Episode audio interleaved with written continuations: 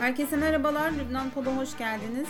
Bu yayında Lübnan'da Cumhurbaşkanı seçimi için geçtiğimiz hafta 12.si yapılan oturuma dair bir değerlendirmeyle karşınızdayım. Aslında Kasım ayından bu yana Lübnan'ın yeni Cumhurbaşkanı'nın seçilmesi sürecini tartışıyoruz. Bununla ilgili çok da yayın yaptık. Dolayısıyla gündem aynı gibi duruyor. Ancak adaylar ve aday olması muhtemel isimler sürekli güncellendi bu süreçte ve yeni aktörler devreye girdi. Ee, bunların yanı sıra tabii söylemeden geçemeyeceğimiz bölgesel gelişmeler de ortaya çıktı. Bu bölgesel gelişmelerin Lübnan iç siyaseti üzerindeki etkisi de e, gündemdeydi. Dolayısıyla bütün bunlar bir araya geldiğinde Lübnan'da hala bir cumhurbaşkanı seçilmediğini görüyoruz. Bu nedenle de özellikle son oturumda yaşananlar üzerinden Lübnan'daki ve Lübnan için önemli sayılacak gelişmeleri de aktarmak istiyorum.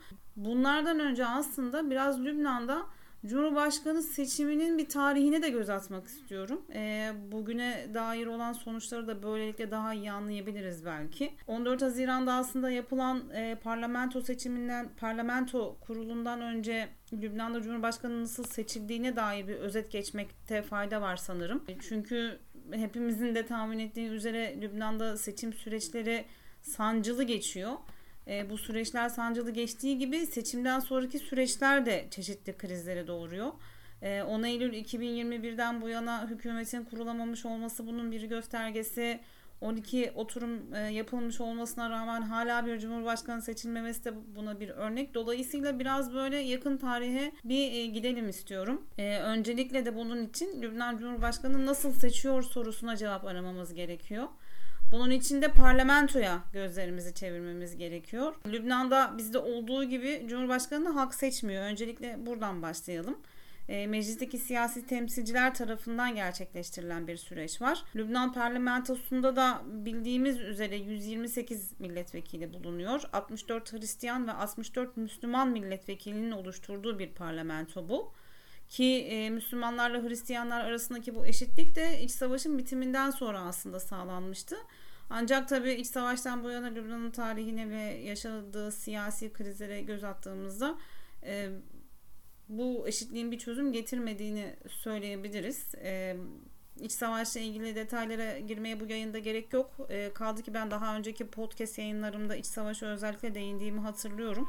Merak eden varsa eğer ilk sezonun yayınlarına bir göz atabilir bu anlamda. Tekrar Cumhurbaşkanlığı seçimine dönersek eğer Lübnan'da e, Cumhurbaşkanı seçimi için çok basit bir matematiksel bir hesap var. Adaylardan e, birinin işte ikilik bir oya sahip olması gerekiyor mecliste. Bu da e, meclisteki 128 oyun 86'sına tekabül ediyor. Adaylardan biri eğer 86 oy alamazsa ikinci tura geçiliyor ve bunun içinde ikinci turun yapılması için de 86 milletvekilinin var olması gerekiyor mecliste ve 65 oyda yeterli oluyor. Ee, yani aslında dediğim gibi hesap basit. Teorinin uygulamaya geçmesi Lübnan'da hiçbir zaman kolay olmadı. E, kaldı ki e, krizlerden ilki ilk turda oy veren vekillerin ikinci tura katılmamaları nedeniyle ortaya çıkıyor. E, çünkü kendi adayının kaybetme riskiyle karşı karşıya kalıyor bu durumda vekil ve ikinci tura katılmıyor. Siyasi partiler bu riski göze almak istemiyorlar ve parlamentoyu terk ediyorlar. Dolayısıyla ilk turda 86 oy alınmadığı için ikinci tura geçilmesi gerekiyor ama ikinci tura geçilemiyor maalesef. E, son işte Kasım ayından beri Lübnan'da yaşanan süreç bu. Cumhurbaşkanı seçimi sürecinin uzamasında e, ki bu anayasa maddesi dışında bir de adaylık krizi var. Ona da değinmekte fayda var. Çünkü Lübnan'da seçim süreci kadar adaylarda da bir istikrarsızlık söz konusu. Bu konuya girmeden önce Lübnan'da 1990 yılındaki Taif Anlaşması'ndan sonra nasıl bir cumhurbaşkanlığı süreci yaşandı? Kimler nasıl cumhurbaşkanı seçildi? Ondan da bahsetmemiz gerekiyor. Çünkü gerçekten her bir seçim süreci birbirinden zor ve derin krizler içeren aşamalardan geçti Lübnan'da bu süreçte. Öncelikle hepimizin bildiği üzere Lübnan Cumhurbaşkanı 1943 e, mutabakatına göre Katolik Maruni olmak durumunda. Yani Lübnan Hristiyan bir cumhurbaşkanına sahip olmak durumunda. İç savaşın öncesine değinmek istemiyorum ama iç savaştan sonraki süreci ele alırsak zaten e, bugün yaşananlar konusunda da daha net yorumlara varabiliriz. E, daha net yorumlar yapabiliriz. İç savaştan sonra ülkenin Cumhurbaşkanı olarak Rene Muavat seçilmişti ve silahların sustuğu düşünülüyordu ama e, Taif Anlaşması'yla e, silahlar susmuş olsa da Rene Muavat göreve gelmesinden 17 gün sonra bir suikastle öldürüldü. Lübnan'ın iç savaş tarihinde de ve sonrasında da aslında e, suikastler çok fazlaydı. E, ama Rene Muavad'ın Cumhurbaşkanı seçilir seçilmez daha birinci ayını doldurmadan suikastle öldürülmesi ülke için büyük bir şok oldu açıkçası. Ve e, savaşın hemen de bitmediğini ya da bir anlaşmayla bitmeyeceğini de göstermiş oldu bu suikast. Rene Muhammed'dan sonra Selim Hus aslında Sünni bir Müslüman e, geçici olarak geldi ama o kadar geçiciydi ki iki gün sadece Cumhurbaşkanı olabildi. Daha sonra İlyas Harabi seçildi ve e, 1998 yılına kadar aslında ülkede Cumhurbaşkanlığını korumayı, bu koltuğu korumayı başardı İlyas Harabi ve gerçekten de bu büyük bir başarı. Uzun süre e, Cumhurbaşkanı olarak kalabilmiş olması Rene Muhammad'dan sonra önemli bir başarıydı. E, İlyas Harabi'den sonra seçilen Emil Lahut dönemi çok kritik geçti Lübnan için. Çünkü Emil Lahut e, Suriye tarafından desteklenen, %100 desteklenen bir cumhurbaşkanıydı. Beşar Esed'in çok yakınlarından bir tanesiydi Emil Lahut. E, ve bildiğiniz üzere de Taif Anlaşması Suriye'nin aslında defakto kontrolünü, Lübnan üzerindeki defakto kontrolünü de e, kanıtlayan, sağlamlaştıran bir anlaşma olmuştu. Suriye Emil Lahut gibi kendisinin desteklediği bir cumhurbaşkanıyla da Lübnan üzerindeki hakimiyetini çok ciddi anlamda genişletebildi ve derinleştirebildi. Ancak Emil Lahut dönemi tabii ki ülkedeki en sıkıntılı dönemlerden bir tanesiydi aynı zamanda. Çünkü e, Emil Lahut başbakan dönemin başbakanı Refik Hariri ile çok fazla anlaşmazlığa düşüyordu. E, bu nedenle de ülkede bu nedenle de ülkede siyasi ve ekonomik istikrarsızlıklar da baş göstermeye başlamıştı. Yani görece bir istikrar vardı, bir sükunet vardı. İşte ekonomik olarak bir toparlanma söz konusuydu. Ama iki lider arasında yaşanan krizler, diplomatik krizler nedeniyle süreç zaten kendisini yavaş yavaş tıkamaya başlamıştı. 2005'te Refik Hariri'nin suikastle öldürülmesi bu tıkanıklığı ortaya çıkardı. Emil Lahut hemen istifa etti aslında. Çünkü e, ciddi anlamda sokak gösterileri başlamıştı e, bildiğiniz üzere. Ve e, Emil Lahut istifa etti. Ancak e, Hizbullah'ın önderliğinde e, tekrardan güç toplamaya başladı Suriye ve onun destekleyen Emil Lahut ve istifasını geri çekti. Ancak tabii ki bunun da bir karşılığı olmadı Lübnan toplumu açısından ve Emil Lahut'tan sonra aslında Lübnan'da bir yıl Cumhurbaşkanı seçilemedi. Bir yıllık bir boşluk bizim için önemli bir boşluk. E, aslında Lübnan için de önemli bir boşluk ama daha sonra yaşanacak olanlar göz önünde bulundurulduğunda bu bir yılın aslında çok da fazla büyük bir problem olmadığını söyleyebiliriz. O dönem bir krizdi. Emil Lahut'tan sonraki dönemin boşluğa düşmesi. Ee, ve 2008 yılında da Michel Süleyman seçildi. Michel Süleyman da İlyas Harabe gibi koltuğunu korumayı başaran liderlerden bir tanesiydi. Ve 2014 yılına kadar görev süresinin dolmasına kadar aslında Cumhurbaşkanı olarak kalmayı başardı. Burada hemen dipnot e, koyalım. Lübnan'da Cumhurbaşkanları 6 yıl boyunca görevde kalabiliyorlar. Michel Süleyman da 2008 yılında seçildikten sonra 2014 yılına kadar Cumhurbaşkanı olarak kalabildi. 2014 yılında Michel Süleyman'ın koltuğunu bırakmasının ardından da en büyük kriz uzlaşmacı bir aday üzerinde mutabakata varılamaması nedeniyle ortaya çıktı. Bu noktada tabi sadece Lübnan içinde değil bölgede yaşanan krizleri de e, anlatmamız gerekiyor.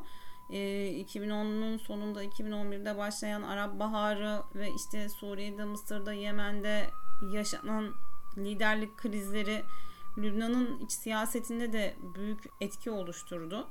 E, bu süreçte Cumhurbaşkanı adaylığı için de birkaç isim öne çıkmıştı. Ki bunlardan bir tanesi şu anda hali hazırda da güçlü adaylardan olan e, Süleyman Franci'ye. Şu an Süleyman Franci Hizbullah tarafından destekleniyor ama o dönem Hizbullah tarafından desteklenmiyordu. Tam tersi 14 Mart hareketi ve Sağ Hariri tarafından destekleniyordu aslında Süleyman Franci'ye. Tam karşıt bloktan destekleniyordu. O dönem 2014'ten sonra Süleyman Franci ile birlikte Samir Caca ve Michel Anda e, adaylıklarını koymuşlardı. E, ama bu süreçte yine e, o kadar handikaplar içeren bir süreç oldu ki 45 oturum yapıldı. Bu iki buçuk yıllık bir süre demek. Adaylar, adayların destekçileri, destekçilerin işte bir süre sonra başka adaylara kayması gibi çözümsüzlükler nedeniyle Lübnan Meclisi 45 oturumdan sonra ancak Cumhurbaşkanı'nı seçebildi ki bunun aslında temel aktörleri yani bu çözümsüzlüğün temel aktörleri bir noktada Hizbullah ve Saad Hariri'ydi. Yani Nasrallah, Hasan Nasrallah ve Saad Hariri'ydi. Bu iki aktör arasındaki çekişme e, Cumhurbaşkanlığı seçimlerinde de kendisini gösterdi ve anlaşamadılar. İki tarafta anlaşamadığı için seçilemedi Cumhurbaşkanı. Bu Saad Hariri'nin desteğini Michel Aoun'dan kullanacağını ilan etmesine kadar sürdü bu durum. Ekim 2016'da yani 46. oturum yapılmadan kısa bir süre önce Saat Hariri Michel Aoun'u desteklemeye karar verdiğini söyledi. Ve bir şekilde aslında bu krizin çözümü içinde bir adım atmış oldu. Ondan sonra aynı destek Velit Can Polat'tan da geldi. O da Aoun'u destekleyeceğini söyledi. Ve ondan sonra da zaten Michel Aoun'un seçilmesi neredeyse kesinleşti. Bu da bir anlamda aslında Hizbullah'ın zaferi demekti. Ve e, Ekim ayının sonunda e, 2016 yılında Ekim ayında 29 ee, aylık süren boşluğun ardından Michel Aoun 128 e, üyeli parlamentoda 83 oy aldı ve Cumhurbaşkanı seçildi. Michel Aoun'un seçilmesinden sonra Lübnan'da yaşanan krizlerin detaylarına çok e, inmek istemiyorum açıkçası. Ancak Michel Aoun'un Cumhurbaşkanlığı süresince ne kadar başarılı bir performans sergilediği de tartışılır. Daha doğrusu başarılı bir performans sergilediğini söylemek güç. Ee, çünkü Michel Aoun'un döneminde e, bildiğimiz üzere 2019'da protestolar başladı Lübnan'da. 2020'de Beyrut patlaması yaşandı ve bu Beyrut patlamasına dair hiçbir soruşturma açılamadı. Aynı süreçte başbakanlar istifa ettiler ve yeni hükümetler kurulamadı. Michel Aoun'un koymuş olduğu blokaj yüzünden olsun, Michel Aoun'un Saat Hariri ile anlaşamaması olsun. Kaldı ki 10 Eylül 2021'de Necip Mikati'ye aslında hükümeti kurması için görevi verdi ve görece aslında bir anlaşma sağlandı ama o tarihten bugüne hala kurulmuş bir hükümet yok Lübnan'da. E, ve Michel Aoun da e, gitmeden önce hükümetin istifa ettiğini, e, hükümetin istifasını onayladığını söyleyerek aslında hükümetin meşruiyetini de ortadan kaldırmış oldu. Dolayısıyla hem kendi döneminde protestoların başlaması hem de ortaya çıkan krizleri çözmek yerine e, bu krizleri daha büyük krizlere e, doğru sürüklemesi yönetim konusundaki başarısızlıklarını aslında ortaya koyuyor Michel Aoun'un. Ancak burada tabii şöyle bir soru da sorulur. Yani en kötü yönetici e, hiçbir yönetici olmamasından daha mı iyidir yoksa daha mı kötüdür?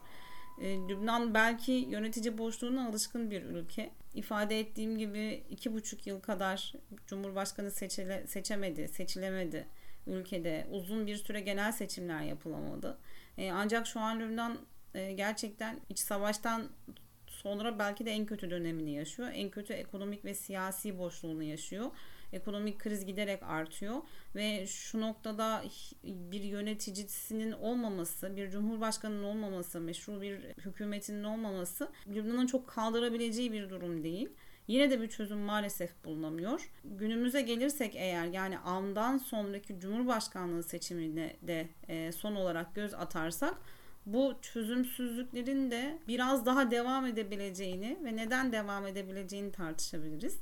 31 Ekim 2022'de Michel Aoun'un görev süresi doldu ve anayasaya göre de Cumhurbaşkanı'nın görev süresi dolmadan 30 gün önce bir çağrı yapması gerekiyor yeni Cumhurbaşkanı için.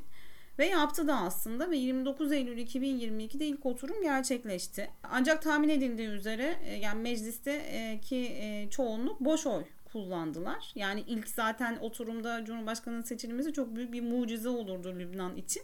Böyle bir beklenti yoktu. Ancak bu oturumla birlikte çeşitli adayların ismi de artık ön plana çıkmaya başladı. İlk oturumda sandıktan 65 tane boş oy çıktı. Ancak dediğim gibi adaylardan adayların isimleri ön plana çıkmaya başladı ki bunlardan bir tanesi Michel Muavvat oldu. Michel Muavvat az önce bahsettiğim Rene Muavvat'ın oğlu. Babasını suikastle kaybeden Michel Muavvat aslında ben çekişmeci bir aday değilim, uzlaşmacı bir adayım diyerek uluslararası arenadaki ilişkilerini de e, göz önünde bulundurarak, ilan ederek aslında güçlü bir adaymış gibi e, bir imaj sergilemek istedi ve ilk oturumda 34 oy aldı. Tabii ki bu hiçbir şekilde yeterli olmadı. Lübnan parlamentosunda bu arada böyle küçük de bir detay düşmek istiyorum. Ee, bir oy da mesela ilk oturumda 29 Eylül'deki oturumda bir oy da Mahsa Emini'ye çıkmıştı. Mahsa Emini o dönem e, malumunuz İran'daki protestoların da baş aktörüydü. Daha doğrusu Mahsa Emini'nin ölümü İran'daki protestolara yol açmıştı. Ona destek amacıyla mesela mecliste böyle bir isim vardı. 2016'daki Cumhurbaşkanlığı seçimi içinde Lübnan'da bir şarkıcının adı yazılmıştı. Yani Lübnan meclis bazen kendisini bu şekilde formal olmayan detaylarla da öne çıkartıyor baktığımızda. E, Lübnan'da siyaset zaman zaman e, böyle tuhaflıklara da şahit oluyor. Daha önce de şahit olduğumuz olaylar bunlar. Dolayısıyla ikinci tura kimse kalmadı, katılmadı da. Ama Michel Muawad'ın adı bir süre oturumlarında geçti. Her seferinde aslında Michel Muawad biraz daha biraz daha öne çıktı. Biraz daha kendisini ifade etti. Oylarını biraz daha artırdı ama hiçbir zaman yeterli çoğunluğa sahip olmadı. Buradan da aslında şu anlaşılıyor. Daha önceki yaptığımız yayınlarda da bunu söylemiştik. Bu isimler daha çok suni isimler, suni gündemler aslında ve e, asıl adaylar yani Cumhurbaşkanlığı seçimi için yarışacak olan asıl adaylar ise çok çok daha sonra ön plana çıkmaya başladılar. Bu arada tabii Hizbullah'ın adayını resmen açıklamamış olması, e, Süleyman Franciye'nin de e, kendisine destek bulmak için işte çeşitli e, seyahatler düzenlemesi, diplomatik seyahatler düzenlemesi veya bunun için daha geç vakitlerde bu seyahatleri düzenlemeye başlaması da sürecin çok ağır aksak ilerlemesine sebep oldu. E, ve sanırım Ocak ya da Şubat ayında Michel Muawad bu son oturumdan önce adaylıktan çekildiğini söyledi. Yani bu, bu noktada da Michel Muawad'ın aslında çok gerçek bir aday olmadığını da görmüş oluyoruz. Bu süreçte Lübnan'da başka gündemler de oldu. Bunlardan bir tanesi ilerlemeci Sosyalist Parti lideri Velid Can Polat'ın istifasıydı. Velid Can Polat'ın istifası tabii ki e, Dürzi liderin tamamen siyaset sahnesinden çekildiğini göstermiyor. Diğer taraftan 10 Mart 2023'te Suudi Arabistan ve İran arasında bir uzlaşmanın var olduğunu biliyoruz biz. Bu uzlaşma tabii doğrudan Lübnan'ı ilgilendiren bir uzlaşma değil. E, Yemen ön planda belki ama Lübnan'ın çok ciddi beklentileri var e, bu anlaşmadan her anlamda. Cumhurbaşkanlığı kısmında ise Velid Buhari'nin e, Suudi Arabistan Lübnan Büyükelçisi'nin sözlerine belki burada yer vermek gerekiyor. Çünkü kendisi anlaşma yapılır yapılmaz ilk olarak bu anlaşmanın Cumhurbaşkanlığı seçimi için bir etkisi olabileceğini ifade etmişti. Tabii ki süreçte e, Suudi Arabistan resmi bir aday açıklamadı veya adaylardan birisini desteklediğini resmen söylemedi. Süleyman Franca'ya karşı daha temkinli yaklaştığınız biliyoruz ancak bunu söyleyebiliriz. Bu süreçte mesela Joseph Aoun diye bir isim vardı ki Lübnan Ordu Komutanı. Bir asker olması belki herkes için daha iyi olur diye e, düşünülüyordu ki Lübnan toplumunda da aslında bu tarz e, bazı destekler vardı. Ancak Joseph Aoun 12. oturumdan sadece bir tane oy alabildi. Joseph Aoun'un da aslında dönem dönem parlatılmasının da hiçbir anlamı olmadığını görmüş olduk böylelikle. 12. oturum 14 Haziran'da yapıldı. Kısa bir süre önce yapıldı ve hiç bilmediğimiz bir isim e, Cihat Azur Süleyman Francı'nın karşısına çıktı. Ve Süleyman Francı'ya karşı da 59 oy aldı. E, bu çok önemli bir oran kanaatimce. 51 e, oyda kaldı Süleyman Francı'ya. Ve Cihat Azur'un aslında şu anda mevcut durumda Süleyman France'ye nispeten e, çok daha etkili bir aday olduğu ve belki de bir sonraki oturumda yarışı önde götürülebileceği götürebileceği söyleniyor. Ancak e, Lübnan'daki dengeler Cihat Azur'un çok başarılı olup olmamasıyla ilgilenmiyor açıkçası. E, siyasi ittifaklarda kendisine ne kadar yer edindiği ile alakalı olan bir durum. E, ayrıca Lübnan'ın buradaki e, siyasi geleneğine, toplumsal geleneğine de bakmak gerekiyor. Süleyman Franciye köklü bir aileye mensup. Uluslararası destekleri de var. Bundan sonraki yarışın, Cumhurbaşkanlığı yarışının Cihat Azur ve Süleyman Franciye arasında gideceğini e, ve araya herhangi bir başka aday girmeyeceğini söyleyebiliriz. Bundan sonraki süreçte e, yaşananlara belki e, bakarak yeni yorumlar yapabiliriz. E, ancak Süleyman Franciye mi, Cihat Azur mu bir sonraki seçimde, bir sonraki oturumda seçilir. E, seçilmez bunu biliyoruz. E, Lübnan belki 45 oturumu kaldıramaz bir önceki Cumhurbaşkanlığı seçiminde olduğu gibi. Ama bu 12-15 oturumda da e, bitecek gibi görünmüyor. Umudumuz önümüzdeki yılın bu yılın sonuna kadar e, bir cumhurbaşkanı seçilebilmesi. Bunun için de aslında e, siyasi ittifakların artık e, asgari düzeyde de olsa sağlanması gerekiyor. 2016'da nasıl ki Saat Hariri rotasını birden çevirip Michel Aoun'u destekleyeceğini söylediyse e, burada ya Süleyman Francı'ya ya da Cihat Azur'a aslında toplu bir destek gerekiyor. 2022'deki 15 Mayıs'taki yapılan seçimler, genel seçimlerin de muhakkak etkisi var burada. Bu çoğunluğun sağlanamamasında.